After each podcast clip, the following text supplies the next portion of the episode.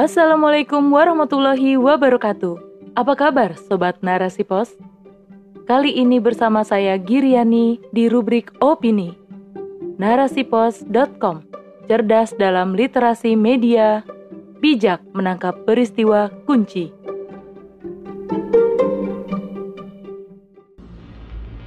Misteri di balik kasus koruptor istimewa akankah segera terkuak oleh Wita Saptarini SE. Sejenak kita flashback secuil fakta lawas koruptor istimewa di tanah air. Masih ingat Chen Zihuang? Ya, itulah nama Mandarin dari seorang Edi Tanzil, buron sepanjang masa di era pertengahan 90-an dengan kasus melarikan uang negara triliunan rupiah atas dakwaan penggelapan kredit Bank Bukopin. Ia menjadi legenda pembobol bank di Indonesia julukan koruptor legendaris melekat pada dirinya.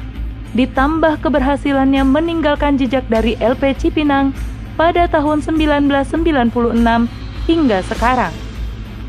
Cina adalah salah satu negara favorit bagi para koruptor dan buron koruptor kelas kakap. Mereka dapat bermukim serta memasukkan aset di sana, tepatnya di Putian yang notabene kampung halaman sang ayah menjadi tempat petualangan sang legenda banyaknya uang, afiliasi bisnis di berbagai lini menjadikannya pengusaha yang patut diperhitungkan. Memiliki jaringan dengan orang-orang berpengaruh, termasuk kuatnya relasi dengan orang nomor satu, Xi Jinping, menjadikan rekam jejaknya sulit ditelusuri. Bagaimana tidak, sang legend banyak memberikan keuntungan bagi negara di mana ia bersembunyi. Predikatnya sebagai buron secara normatif membatasi ruang geraknya, wujud konsekuensi hukum yang menjeratnya. Namun, ponis jeruji tak lantas menghentikan keonarannya menggelapkan dana perbankan. Edi Tanzil tidak hanya rusuh di Indonesia, tetapi juga kisruh di Cina. Dengan status buronan, ia tetap punya posisi terhormat. Keberhasilannya membentuk sebuah potret kolektif bahwa Edi Tanzil berasal dari keluarga perantauan yang sukses kaya, patriotik, juga dermawan. Reputasi manis inilah yang membuatnya terselamatkan di sana. Tak dipungkiri, kuatnya dominasi otoritas negeri tirai bambu dalam hubungan diplomatik dengan Indonesia saat ini semakin melemahkan upaya penangkapannya, sekaligus mengkonfirmasi 24 tahun kegagalan Indonesia menaklukkannya. Kini, Merebaknya kasus-kasus serupa membangkitkan kekuatan pikir akan kasus silam yang sulit terpecahkan. Fenomena berulang menjadi kiblat bagi penerusnya. Sebut saja kasus pelarian buron Harun Masiku, mantan politikus PDIP, sekaligus aktor kunci atas dugaan penyuapan komisioner KPU. Pasalnya, dengan tertangkapnya HM, akan menguak otak di balik kasus suap pergantian antar waktu anggota legislatif PDIP. Episode baru kasusnya kini menuai kontroversi. Interpol resmi menerbitkan red notice atas nama Harun Masiku. Dengan demikian, statusnya ditetapkan sebagai buronan internasional. Namun, penerbitan red notice oleh Interpol sebagai upaya KPK meringkusnya diragukan sejumlah pihak. Peneliti ICW Kurnia Ramadana menilai tampak adanya ketidakseriusan KPK dalam perjalanan upayanya, sekedar membendung kritik masyarakat yang dianggap tak akan menemui titik terang, sebab bobroknya tubuh KPK sulit ditutupi. Kasus tidak rumit dibuat rumit, jual beli kasus oleh mafia peradilan, adanya penggunaan kewenangan yang diduga menggunakan wewenangnya untuk berpihak, keterlibatan orang-orang besar, praktik sistem proteksi eksklusif super ketat yang tak mampu ditembus. Begitupun lobi-lobi buron korupsi ke lembaga tinggi senantiasa mewarnai kejanggalan peradilan. Itulah sebagian dari sekelumit kasus sensitif dan complicated karena penuh dengan kepentingan. Segala sesuatu mudah diatur hanya karena uang, menjadi refleksi bagaimana aksi kriminal kerah putih kelas kakap sangat sulit diselami. Maraknya praktik korupsi makin mencoreng wajah hukum di Indonesia. Bobroknya sistem politik negeri ini menambah goresan luka hati rakyat.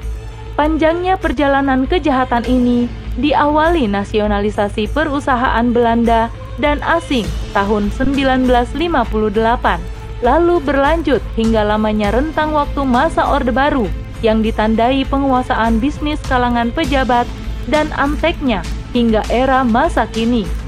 Aturan, undang-undang, serta lembaga pemberantas korupsi dibuat acap kali tak menyolusi. Apa yang salah dengan konstelasi politik negeri ini? Buruknya profil hukum di tanah air adalah akibat tak hentinya menjalankan praktik sistem politik demokrasi. Ya, lagi-lagi demokrasi dengan ide-ide kebebasannya yang menancap kuat di benak para pengembannya, menjadi biang kerok di balik mengguritanya korupsi. Tak heran, kuatnya lobi-lobi terjadi di negeri yang mengadopsi sistem yang syarat akan kompromi, menjadi surga bagi aksi kejahatan luar biasa ini, membangun citra keadilan bersyarat bagi seluruh rakyat Indonesia. Demokrasi membuka lebar akses korupsi dan mencetak cukong politik tiada henti. Kejahatan serta kecurangannya menimbulkan kerugian terhadap negara dan rakyat. Kejahatan sistemis ini subur karena ada sistem yang mendukungnya, sistem yang berpegang teguh pada salah satu prinsip simbiosis mutualisme ini meniscayakan kolaborasi penguasa dan pengusaha atau korporatokrasi, memberikan penguasa kursi kekuasaan dan kebijakan yang memuluskan monopoli korporasi. Tak terkendalinya korupsi diakibatkan lemahnya hukum yang terlahir dari otoritas manusia, keserakahan pelaku, dan juga mahalnya ongkos politik sistem demokrasi keganjilan-keganjilan kasus extraordinary crime terhadap negara dan rakyat acap kali menguji integritas hukum dan peradilan. Walhasil, kini riwayat integritas lembaga KPK tengah dikebiri. Wacana dihidupkannya kembali tim pemburu korupsi atau TPK dan urgensi reformasi kepolisian sudah tergambarkan bagaimana sepak terjang perburuannya kelak. Melawan gelombang penaklukan korupsi tanpa diiringi sistem yang benar adalah utopis, hanya akan mengantarkan pada jejak-jejak kegagalan kembali. Korupsi dalam pandangan Islam adalah masalah yang dipandang sebagai suatu kejahatan yang tidak berdiri sendiri, tetapi kejahatan yang muncul karena sistem, sehingga masalah korupsi dilihat melalui perspektif sistem, tidak semata-mata persoalan independen sistem yang terlahir dari akidah Islam yang menempatkan Allah sebagai satu-satunya pemilik otoritas pembuat aturan dan menetapkan hukum. Dengan profil hukum dan peradilan yang sempurna, mencakup seluruh problematika yang terkodifikasi dalam nizam ukubat fil Islam yang berasaskan Al-Quran dan As-Sunnah. Sistem hukum pidana Islam disyariatkan untuk mencegah manusia dari tindak kejahatan, Kunci menuntaskan korupsi dalam pandangan Islam yaitu pertama, ketakwaan individu. Iman menjadi pondasi individu yang akan mengawal setiap hal yang dilakukan. Karenanya, Islam mengajarkan konsep bagaimana perbuatan itu merupakan aktivitas fisik yang lahir dari keimanan dan kesadaran akan hubungannya dengan Allah, membentuk keyakinan yang kuat bahwa kita selalu diawasi dan kelak akan dimintai pertanggungjawaban di hadapannya. Kedua, kontrol masyarakat. Ketika iman itu ada di tengah masyarakat, masyarakat tadi adalah masyarakat Islami. Pemikirannya, perasaannya, begitu pula dengan sistemnya dibangun dengan sistem Islam. Ketiga, penerapan sistem Islam oleh negara. Ketika iman itu ada pada negara, negara dibangun berdasarkan akidah Islam sehingga yang menjadi patokan adalah halal dan haram. Begitupun yang menjadi standar adalah hukum Islam. Pada saat Islam diterapkan dalam konteks negara, otomatis potensi pelanggaran tindak pidana korupsi sangatlah kecil. Sebab ada pengawasan yang dilakukan, baik itu oleh masyarakat maupun adanya amar ma'ruf nahi mungkar. Sebagaimana firman Allah Subhanahu wa taala, dan hendaknya kamu saling mengingatkan dalam kesabaran dan mengingatkan dalam kebenaran. Konsekuensi masyarakat dibangun atas dasar Islam akan menumbuhkan kesadaran bersama-sama untuk melakukan tindakan pencegahan yang muncul karena keimanan. Kemudian, Kesadaran bahwa adanya konsekuensi dari kejahatan itu bukan sekedar diketahui ataukah tidak pada saat di dunia, tetapi ada konsekuensi sampai di akhirat. Dalam sebuah hadis yang diriwayatkan oleh An-Nasai, Rasulullah Shallallahu alaihi wasallam bersabda, "Seorang pencuri tidak akan mencuri ketika dia beriman." Korupsi tak akan terus tumbuh bila dicabut hingga ke akar penyebabnya.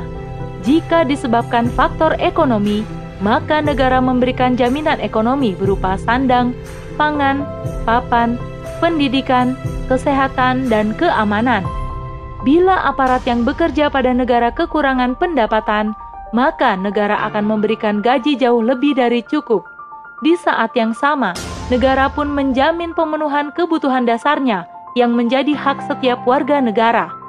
Jika masih saja melakukan tindakan korupsi, maka di situlah negara mengambil tindakan yang tegas, yaitu menjatuhkan sanksi.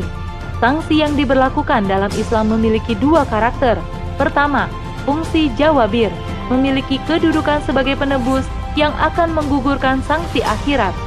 Yang kedua, yaitu fungsi zawajir, memiliki kedudukan sebagai pencegah, artinya menjadi cerminan seseorang bahwa ia akan berpikir seribu kali untuk melakukan kejahatan yang sama, serta tak ingin terperosok ke lubang yang sama.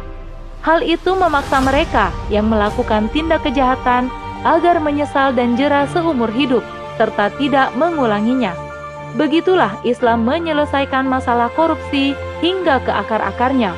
Dalam konteks ini, iman menjadi pondasi bagi individu, masyarakat, dan negara. Maka, ketika tiga pilar itu diterapkan, kehidupan akan berjalan sesuai trek ketentuan Allah Subhanahu wa taala. Islam adalah sistem unik dan solutif dari Sang Kholik, sebab Islam sistem yang begitu luhur secara mendasar melampaui daya tangkap manusia. Maka, tak diragukan lagi untuk memecahkan berbagai problematika, termasuk menguak kasus korupsi yang sulit diselami dengan tuntunan hukum dan aturan sang ilahi. Wallahu alam bisawab.